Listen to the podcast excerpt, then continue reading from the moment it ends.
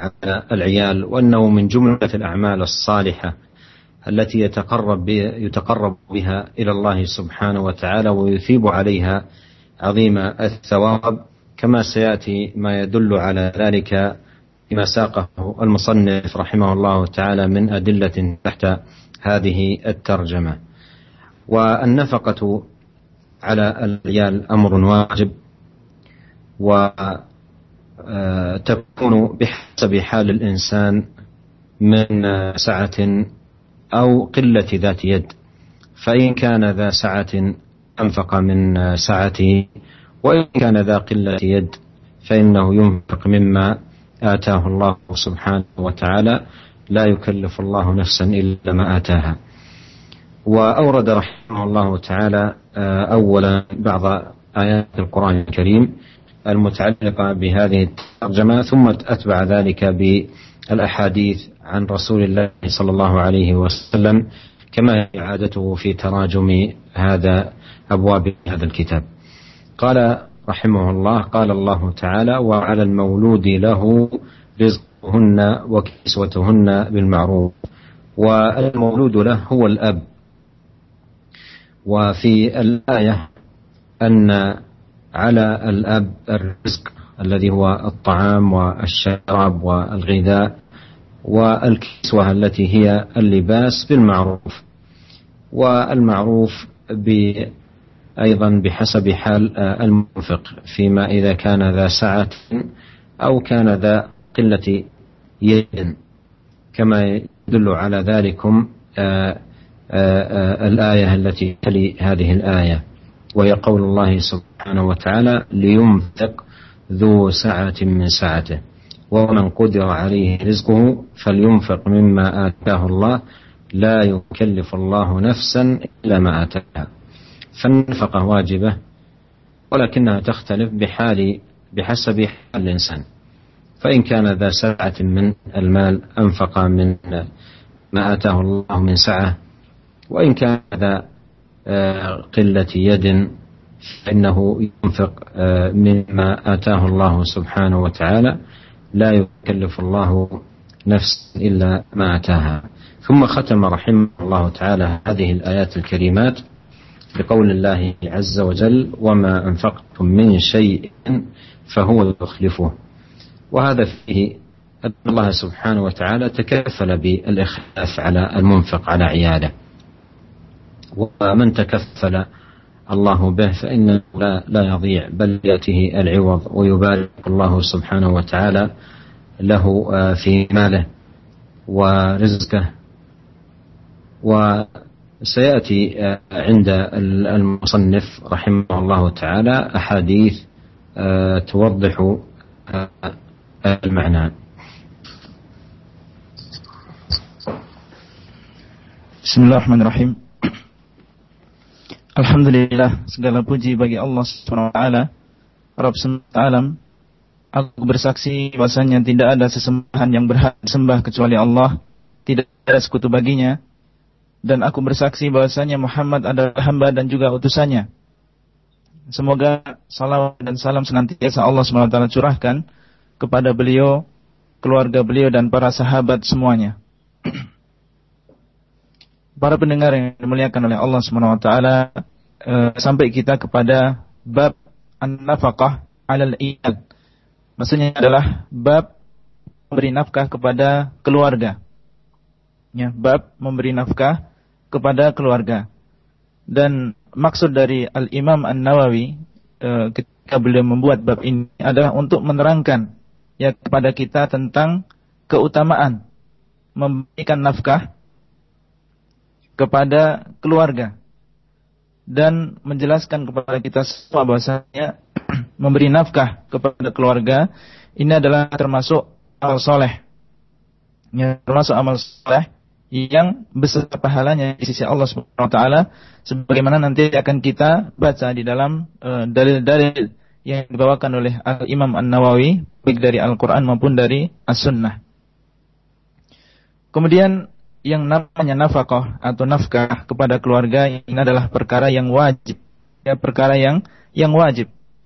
Dan e, kewajiban ini sesuai dengan kemampuan seseorang.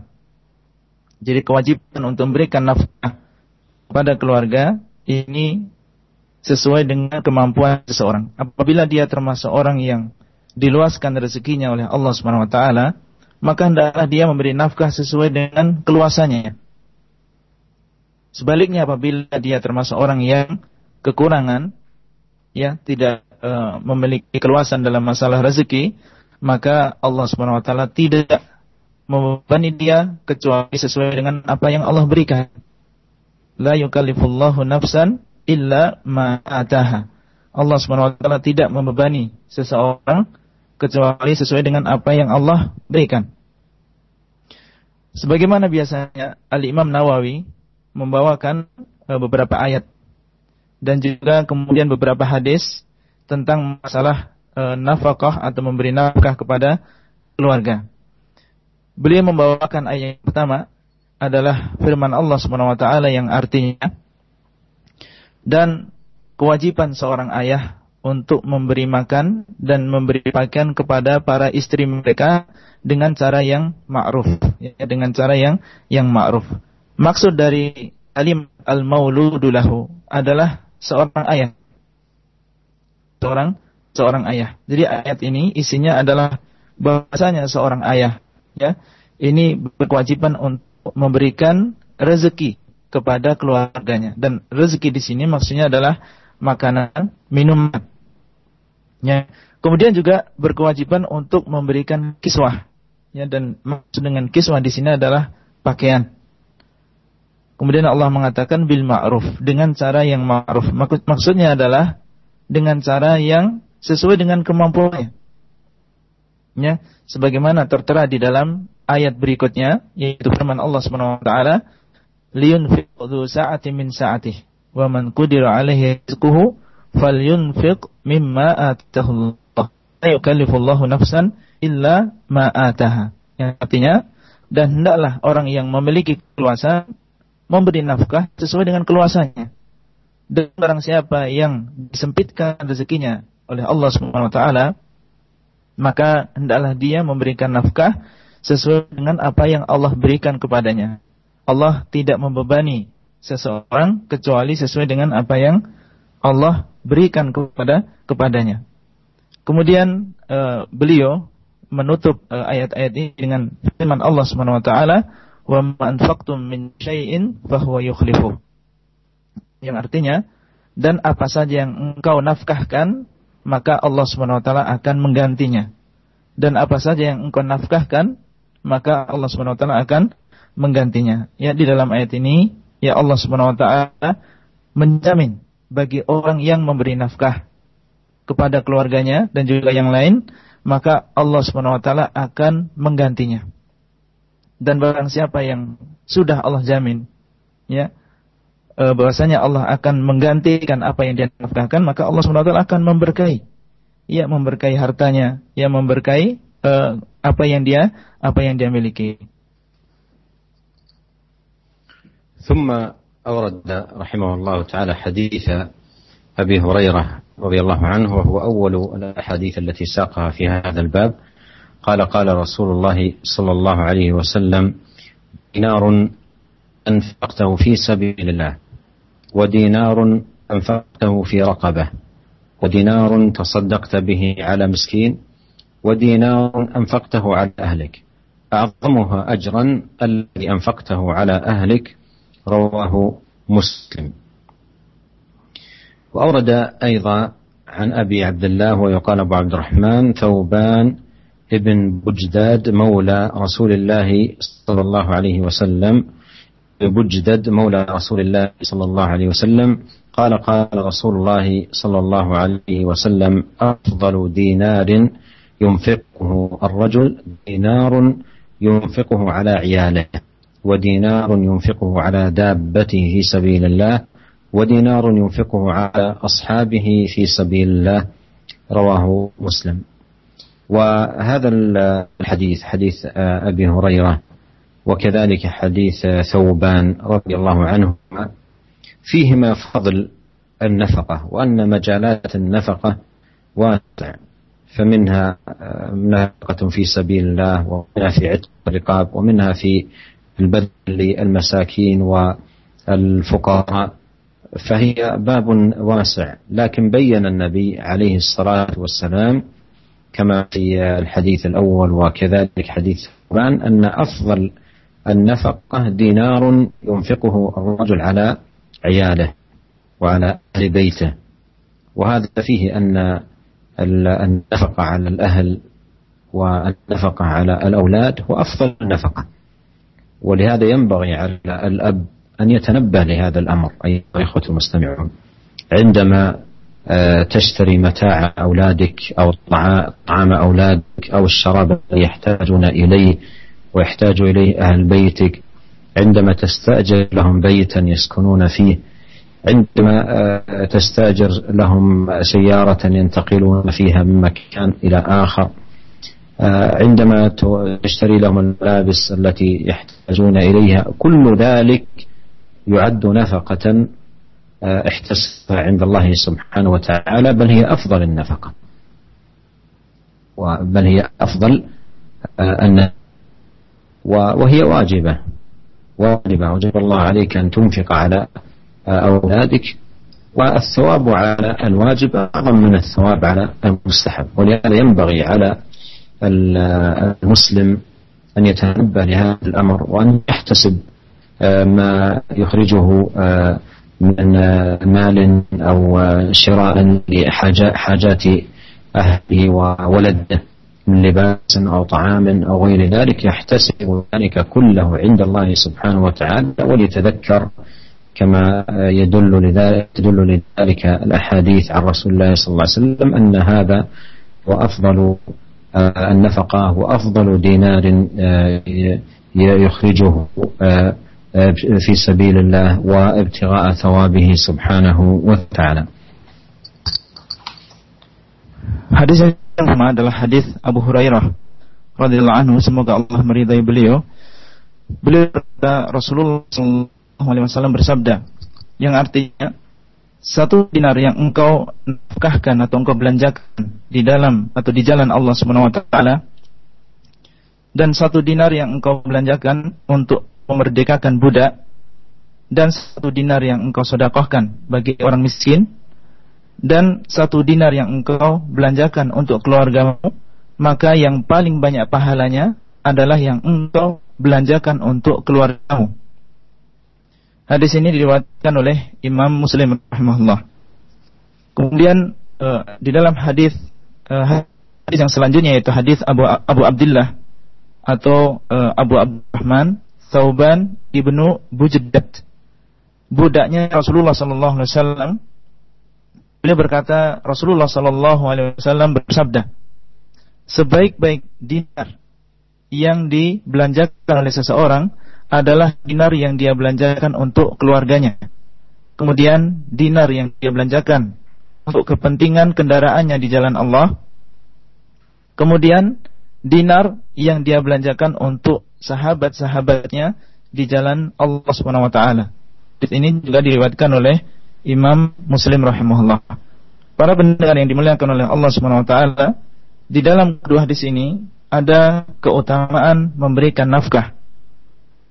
Dan yang dimaksud nafkah di sini adalah luas maknanya bisa berupa nafkah e, di dalam memerdekakan seorang budak atau memberikan nafkah, membelanjakan hartanya untuk orang miskin atau memberikan nafkah di jalan Allah Subhanahu wa taala. Dan Rasulullah SAW menjelaskan di dalam kedua hadis ini bahwasanya nafkah yang paling afdal adalah nafkah yang kita keluarkan, yang kita belanjakan untuk keluarga kita. Ya. Dan uh, ini hendaknya seorang ayah, ya seorang kepala keluarga memperhatikan perkara ini dan menyadari bahwasanya ketika dia memberi membeli makanan untuk keluarganya, dia membeli minuman untuk keluarganya, atau dia mengontrak rumah supaya keluarganya ini bisa berteduh di rumah tersebut, atau ketika dia menyewa sebuah kendaraan, ya, untuk transportasi mereka, atau ketika dia memberikan pakaian untuk keluarganya, maka hendaklah dia sadar dan menyadari bahwasanya ini adalah afdalun nafkah. Bahwasanya ini adalah nafkah yang paling afdal. Dan hendaknya dia menyadari bahwasanya ini adalah kewajiban dia. Dan pahala sesuatu yang wajib ini lebih besar daripada pahala sesuatu yang mustahab. Ya, pahala dari amalan yang wajib ini lebih besar daripada pahala sesuatu yang mustahab. Ya, oleh karena itu, hendaknya seorang ayah atau seorang yang memberikan nafkah kepada tanggungannya, hendaklah dia ihtisab, ya, hendaklah dia senantiasa ketika dia mengeluarkan harta untuk memberikan nafkah kepada keluarganya, hendaknya dia senantiasa memohon ya pahala dari sisi Allah Subhanahu wa taala dan hendaknya dia ingat sebagaimana di dalam hadis-hadis ini bahwasanya apa yang dia lakukan ini adalah afdal nafkah. Ini adalah nafkah yang paling yang paling afdal.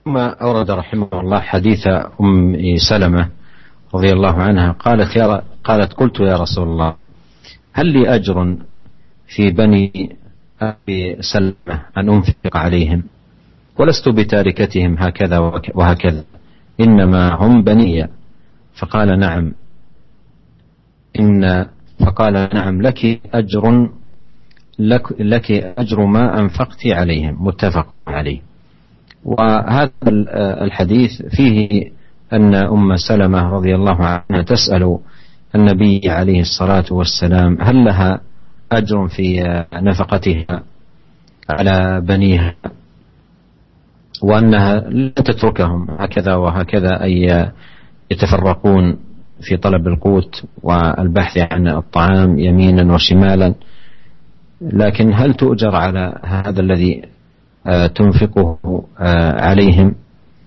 فأخبر عليه الصلاة والسلام أن لها أجر لذلك وهنا أنبه الأخوات المسلمات العاملات في البيوت في خدمة الأولاد وخدمة البيت وخدمة الزوج عناية بالطعام وعناية بترتيب البيت وعناية بتهيئة اللباس وعناية بمصالح البيت هي على ثغرة عظيمة وفي باب كبير من أبواب الأجر والنفقة في سبيل الله تبارك وتعالى فإن كل هذه الأعمال التي تقدمها إذا احتسب ذلك عند الله عز وجل كانت لها أجرا وثوابا وهي من أعظم النفقة وهي من أعظم النفقة المرأة آه، المسلمة التي أكرمها الله ببيت وزوج وأولاد وأن أن أن, أن تعمل على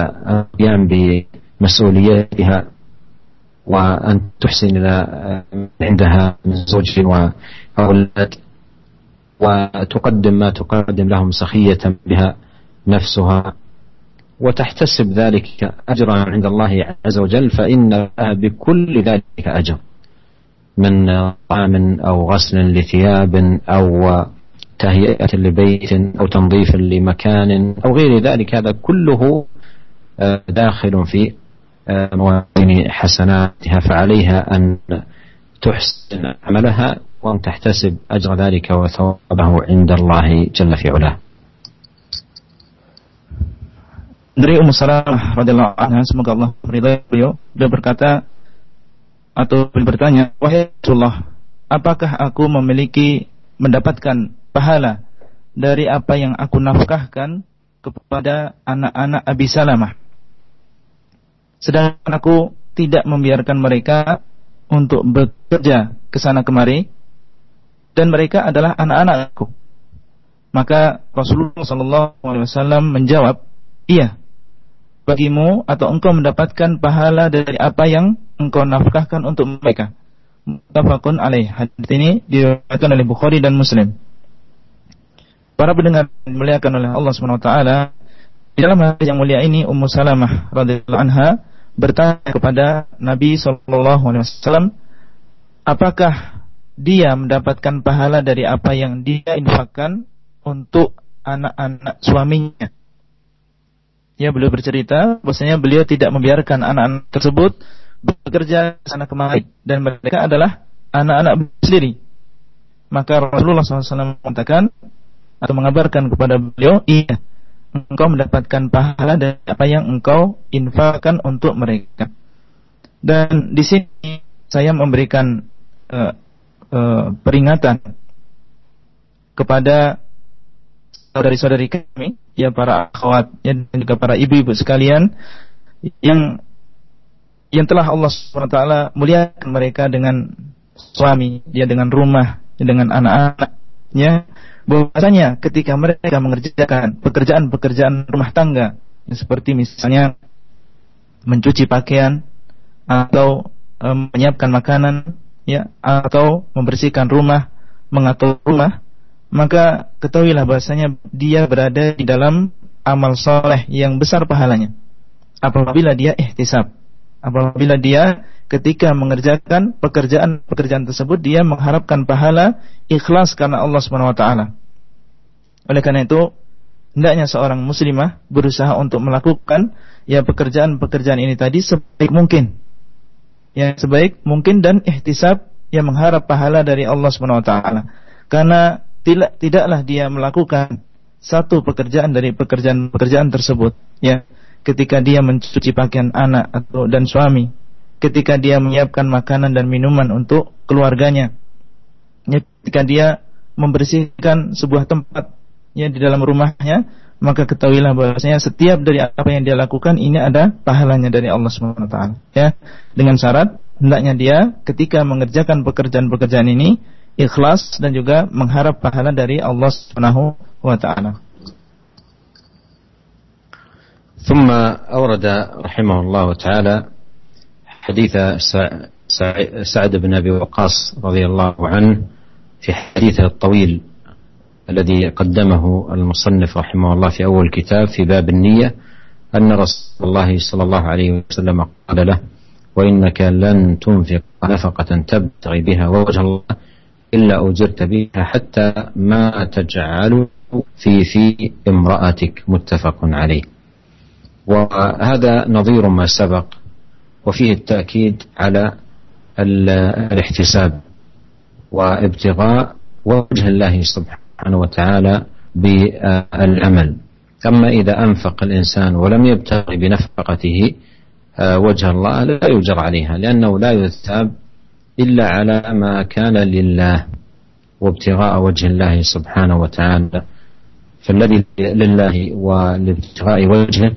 هو الذي يدخل في آه، صالح العمل لأن من شرط صالح العمل أن يبتغى به وجه الله عز وجل وأن يقصد به التقرب آه، إليه سبحانه وتعالى ولهذا في الحديث الذي بعده حديث أبي مسعود البدري رضي الله عنه عن النبي صلى الله عليه وسلم قال إذا أنفق الرجل على أهله نفقة يحتسبها فهي له صدقة متفق عليه ومعنى يحتسبها أي عند الله لأنه قدمها متقربا به إليه فيحتسبها عند الله أجرا وثوابا لأنه قصد بها وجه الله سبحانه وتعالى والتقرب إليه وهذا أصل عظيم وأساس متين في هذا الباب ينبغي أن نتنبه له جميعا في ما ننفق ونقدم ونبذل فإن هذا من صالح العمل ومن عظيم ما يتقرب به المتقرب إلى الله سبحانه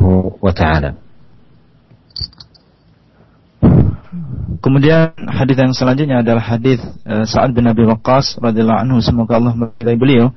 Di dalam hadis beliau yang panjang yang telah kami bawakan di dalam awal kitab uh, di awal kitab ini yaitu di dalam bab an-niyah bahwasanya Rasulullah sallallahu alaihi wasallam berkata kepada beliau yaitu saat bin Abi Waqqas yang artinya dan tidaklah engkau memberikan nafkah yang di situ engkau mengharapkan wajah Allah Subhanahu wa taala kecuali engkau mendapatkan pahalanya sampai apa yang engkau suapkan ke dalam mulut istrimu Muttafaqun alaih. Hadis ini diriwayatkan oleh Bukhari dan Muslim. Hadis ini semisal dengan hadis sebelumnya dan di dalamnya ada takkid ya, menguatkan apa yang sudah kita sebutkan, perlunya kita ihtisab, ya perlunya kita harap pahala dari Allah Subhanahu wa taala ketika kita memberikan nafkah. Ya. Dan ini menunjukkan bahwasanya sesuatu yang tidak diniatkan di situ untuk mengharapkan pahala dari Allah Subhanahu wa taala, maka dia tidak akan mendapatkan pahala. Jadi yang mendapatkan pahala adalah amalan yang di situ seseorang mengharap, mengharapkan pahala dari Allah. Maksudnya adalah untuk bertakarrub yang mendekatkan diri kepada Allah Subhanahu wa taala. Dan ini dikuatkan uh, dengan hadis selanjutnya yaitu hadis uh, Abu Mas'ud Al-Badri. Semoga Allah meridhai beliau dari Nabi Shallallahu Alaihi Wasallam beliau bersabda yang artinya apabila seorang suami memberikan nafkah kepada keluarganya di mana dia ikhlas dan mengharapkan pahala dari Allah dengan nafkah tersebut fahiyalahu sadaqah maka nafkah tersebut baginya adalah sebuah sadaqah dia mendapatkan pahala pahala sadaqah ya apabila seseorang suami ya memberikan nafkah kepada keluarganya dan dia ikhlas mengharapkan pahala di dalam memberi nafkah tersebut, maka nafkah tersebut adalah baginya di sisi Allah adalah sebuah sedekah. Dan e, ini menunjukkan kepada kita pentingnya kita ihtisab sekali lagi ya kita semua ya ini menunjukkan e, kepada kita semua tentang pentingnya ihtisab yaitu memberikan atau meniatkan yang mendapatkan pahala di e, sisi Allah Subhanahu wa taala ketika kita memberikan nafkah dan ketika kita memberikan infak kepada keluarga kita semua semuanya.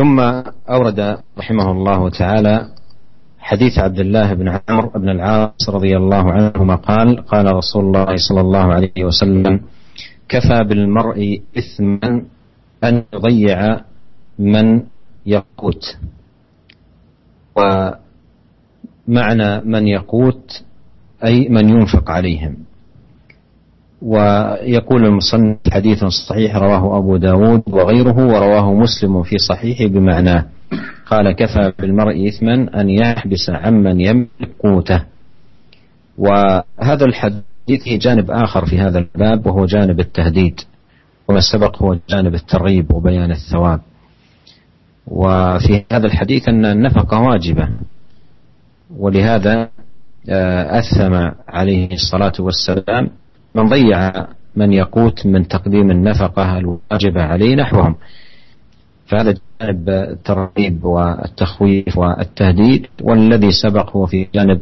آه، آه، الترغيب بذكر الأجر والثواب على ذلك Hadis yang selanjutnya adalah hadis Abdullah bin Amr ibn al-As radhiyallahu anhu. Semoga Allah meridhai keduanya. Beliau berkata Rasulullah SAW bersabda yang artinya cukup bagi seseorang yang berdosa apabila dia menyia-nyiakan orang yang dia tanggung. Hadis ini sahih diriwayatkan oleh Abu Dawud dan juga yang lain dan Imam Muslim rahimahullah di dalam sahihnya meriwayatkan dengan maknanya bahwa Rasulullah Shallallahu Alaihi Wasallam bersabda, cukuplah seseorang berdosa apabila dia menahan nafkah orang yang dia tanggung. Para pendengar yang dimuliakan oleh Allah Subhanahu Wa Taala, eh, hadis ini menunjukkan kepada kita tentang keutamaan yang memberi nafkah kepada keluarga dari sisi lain. Hadis yang sebelumnya menunjukkan keutamaan tentang memberi nafkah dari sisi target yaitu memberikan dorongan kepada kita pahala orang yang memberikan nafkah. Nah, hadis yang kita baca sekarang ini adalah menunjukkan keutamaan memberi nafkah dari segi tarhib atau tahdid. Maksudnya adalah ancaman, ancaman bagi orang-orang yang menyiakan menyia-nyiakan orang yang dia tanggung. Dan maksud dari mayakut di sini adalah orang yang dia nafkai, Ya, orang yang dia nafkahi. Jadi hadis ini yang menunjukkan kepada kita tentang uh, dosa orang yang menyanyiakan orang yang dia tanggung, orang yang dia nafkahi. Dan bahwasanya perbuatan ini yaitu menahan nafkah dari orang yang dia tanggung adalah sebuah dosa di sisi Allah Subhanahu wa taala. ثم أورد حديث أبي هريرة رضي الله عنه أن النبي صلى الله عليه وسلم قال ما من يوم يصبح العباد فيه إلا ملكان ينزلان فيقول أحدهما اللهم أعطي منفقا خلفا ويقول الآخر اللهم أعطي ممسكا تلفا متفق عليه وهذا فيه أنه في كل يوم ينزل ملكان بهذا النداء نداء للمنفق ونداء للممسك نداء للمنفق أن يخلفه الله أن يعوضه عما أنفق ونداء للممسك أن يتلف الله أن يهلك ما, ما عنده ولئن كان الناس لا يرون هذين الملكين ولا يسمعون لهما صوتا إلا أن هذا حق صدق أخبر به الصادق المصدوق صلى الله عليه وسلم فنحن وإن كنا لا نراهما ولا نسمع لهما صوتا إلا أننا من نزولهما وقولهما آه، على يقين لأن ذلكم آه، خبر الصادق المصدوق الذي لا ينطق عن الهوى صلوات الله وسلامه وبركاته عليه وفي الحديث آه، فضل الإنفاق وأن الملكان يدعوان له بأن يخلفه الله أن يعوضه خيرا وفيه أيضا خطورة الإمساك والبخل والشح وأن الملكان يدعوان عليه بأن يتلف الله سبحانه وتعالى آه، آه، ما عنده جزاء لحبسه ومنعه عن آه، مستحقيه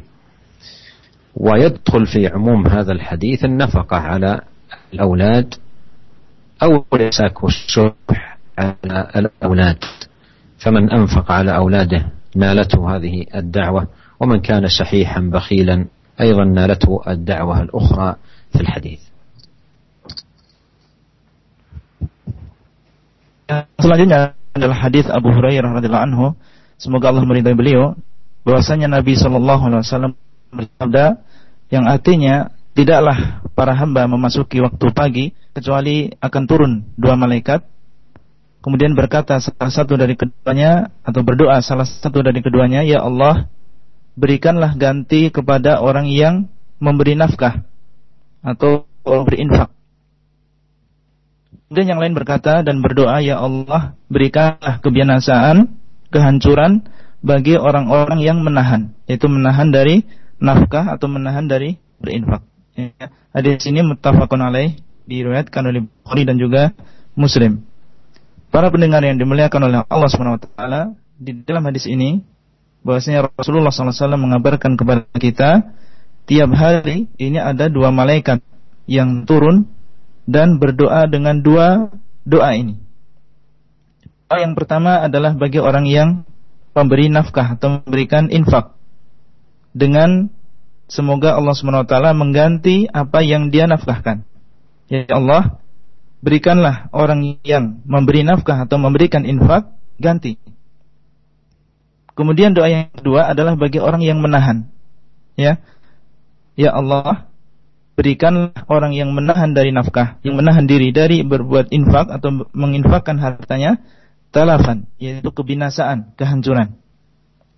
Dan kita sebagai orang-orang yang beriman, meskipun kita tidak melihat turunnya malaikat atau dua malaikat tersebut, akan tapi kita berkewajiban untuk membenarkan dan meyakini bahwasanya adalah sebuah kebenaran yang harus dibenarkan karena yang mengabarkan ini adalah asadikul sadiqul masduq ya Rasulullah sallallahu alaihi wasallam jadi kita hendaknya yakin dengan seyakin-yakinnya bahwasanya ini terjadi yaitu turunnya dua malaikat dengan doa ini karena sekali lagi ini adalah kabar dari Rasulullah SAW yang Allah SWT mengabarkan bahwasanya beliau tidak pernah berbicara di hawa nafsunya. La yantiqu anil hawa. Ya, beliau tidak berbicara dari hawa nafsunya. Kemudian hadis ini bisa kita petik beberapa faedah. Di antaranya adalah keutamaan berinfak. Dan bahwasanya malaikat akan berdoa dengan kebaikan bagi orang yang berinfak dan menafkahkan hartanya yang berdoa dengan akan diganti apa yang dia nafkahkan. Kemudian yang kedua adalah bahaya bakhil. Bahaya bakhil dan juga menahan dari infak kepada orang yang berkewajiban kita untuk memberi nafkah kepadanya. Dan bahasanya malaikat akan mendoakan kejelekan baginya. Ya, bahasanya dia akan didoakan supaya hancur apa yang dia miliki. Ya, supaya binasa apa yang dia balasan dari perbuatan perbuatan dia. Dan masuk di dalam masa uh, di dalam nafkah di sini atau memberikan infak di sini adalah infak bagi anak-anak kita. Ya. Jadi kalau kita memberikan nafkah kepada keluarga kita, kepada aulad, kepada anak-anak kita, maka masuk di dalam doa mereka ini tadi. Dan seandainya kita menahan diri dari menafkahi mereka, maka kita akan masuk di dalam. Rahimahullah, هذه الترجمة باب النفقة على Ya. بحديث أبي هريرة رضي الله عنه أن النبي صلى الله عليه وسلم قال اليد العليا خير من اليد السفلى وابدأ بمن تعول وخير الصدقة ما كان عن ظهر غنى ومن يستعفف يعفه الله ومن يستغني يغنه الله وقوله في الحديث اليد العليا أي المنفقة الباذلة المعطية واليد السفلى هي اليد آه، الآخذة المتلقية للمساعدة والصدقة وقوله في الحديث وابدأ بمن تعول هو موضع الشاهد من الحديث للترجمة أي ابدأ بنفقتك وبذلك على من تعول من أهل وولد وهي نفقة آه، أوجبها الله سبحانه وتعالى وخير الصدقة ما كان عن ظهر غنى أي غير محتاج إليها أي بعد أن يستغني بقدر الكفاية لأهله وعياله ومن يستعفف يعفه الله ومن يستغني يغنيه الله من يطلب لنفسه العفة والكف عن آه، الحرام والكف عن المشتبه وتجنب ذلك يعفه الله سبحانه وتعالى ويغنيه جل وعلا من فضله بخلاف حال بعض الناس لا يبالي يتعامل بالربا أو يتعامل بالغش أو يتعامل بالكذب أو يتعامل ويقول أنا أريد أن أحصل الرزق لي ولأولادي فهذا جنى على نفسه وجنى على أهله وولده والأمر كما قال عليه الصلاة والسلام من يستعفف يعفه الله ومن يستغني يغنيه الله يقف بما قسم الله له سبحانه وتعالى من آه، رزق فالله جل وعلا يغنيه آه، من فضله وبهذا تنتهي هذه الترجمة باب النفقة على العيال نسأل الله أن ينفعنا جميعا بما علمنا وأن يزيدنا علما وأن يصلح لنا وأن لا يكلنا إلى أنفسنا طرفة عين إنه سميع قريب مجيب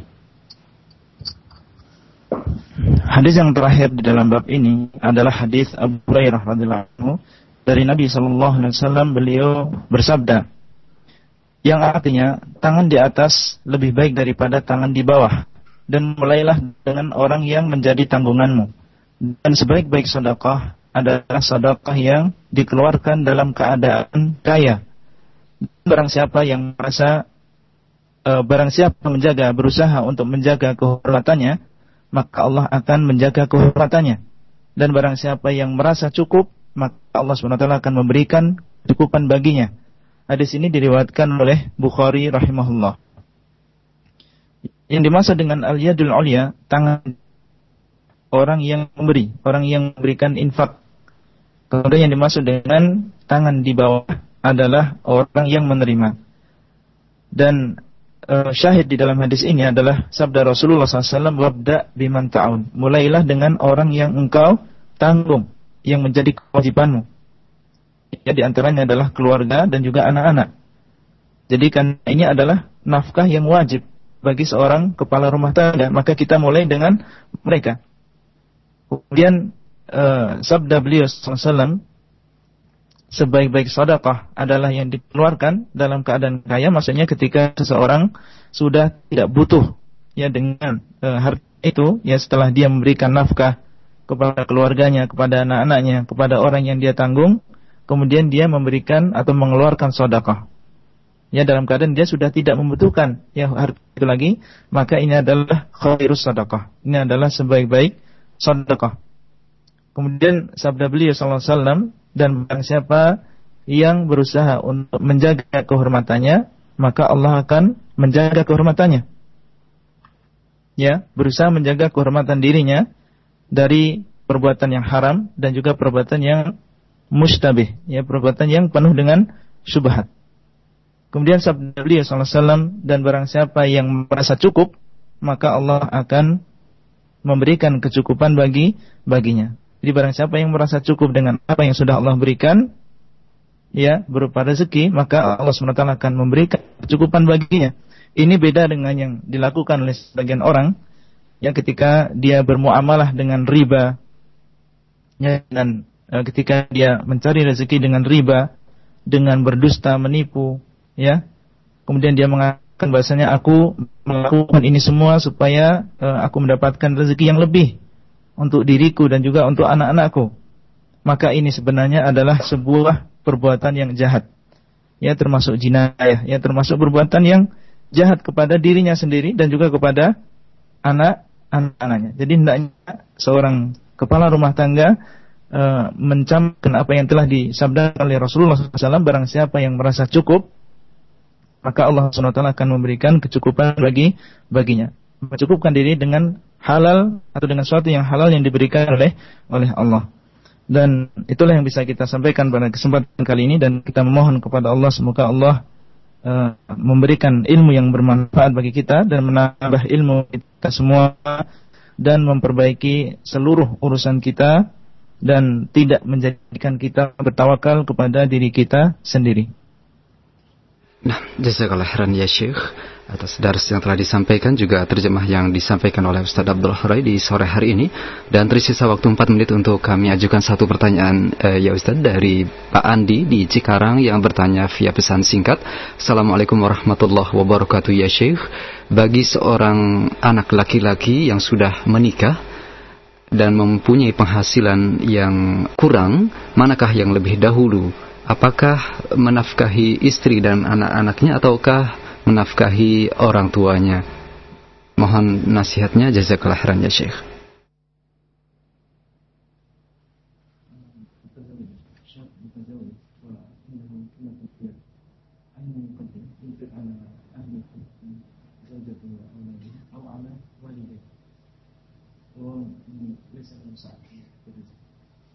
عليه أن ينفق على أهله وأولاده وكذلك على والديه إن كان محتاجين آه، بقدر استطاعته لينفق ذو سعة من سعته وقدر عليه رزقه فلينفق مما آتاه الله لا يكلف الله نفسا إلا ما آتاها Eh, pertanyaan yang pertama adalah dari e, seorang bapak atau seorang kepala rumah tangga yang bertanya apabila seseorang e, menikah dan memiliki penghasilan yang kurang, ya mana yang dia dahulukan apakah memberikan nafkah kepada istri dan anak-anaknya atau kepada bapak ibunya? Maka di sini Syekhuna Hafizahullah Ta'ala memberikan jawaban bahasanya kewajiban dia untuk memberikan nafkah terlebih dahulu kepada e, istri dan juga anak-anaknya. Ya. Kemudian dia memberikan kepada bapak dan juga ibunya sesuai dengan kemampuannya. Sebagaimana firman Allah Subhanahu wa taala, "Yunfiq dzu sa'ati min sa'ati wa man qadira 'alaihi rizquhu falyunfiq mimma atahu Allah." La yukallifullahu nafsan illa ma ataha. Hanya orang yang memiliki keluasan memberikan nafkah sesuai dengan keluasannya. Dan barang siapa yang disempitkan rezekinya oleh Allah, maka hendaklah dia memberikan nafkah sesuai dengan apa yang Allah berikan. Allah Subhanahu wa taala tidak memberikan atau membebani seseorang kecuali sesuai dengan apa yang Allah berikan kepadanya. Jazakallah khairan ya Syekh. Satu pertanyaan yang terakhir kami sampaikan masih dari pesan singkat.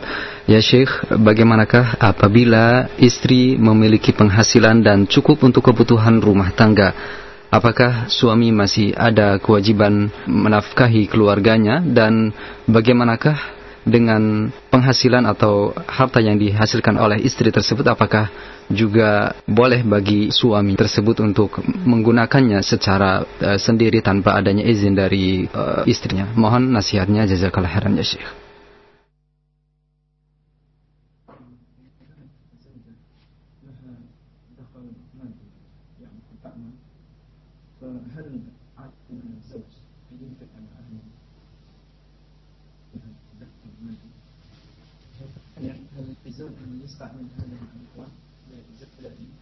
كما يريد بدون إذن زوجته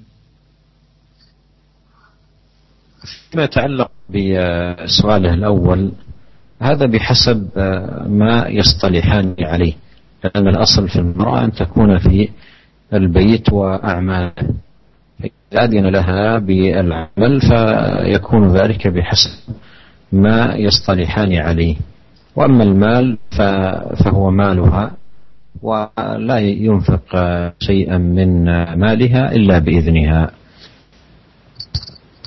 eh, Pertanyaan yang selanjutnya adalah apabila seorang istri memiliki penghasilan yang cukup, apakah seorang suami masih berkewajiban untuk memberikan nafkah kepada keluarganya? Kemudian yang kedua, apakah harta yang dihasilkan oleh istri, bolehkah seorang suami menggunakan harta tersebut tanpa izin e, istrinya? jawaban dari Syekh Hafizahullah Ta'ala yang pertama, ini atau pertanyaan yang pertama, jawabannya adalah sesuai dengan perjanjian atau kesepakatan dari kedua belah pihak. Ya, karena e, pada asalnya yang namanya wanita ini berada di rumah.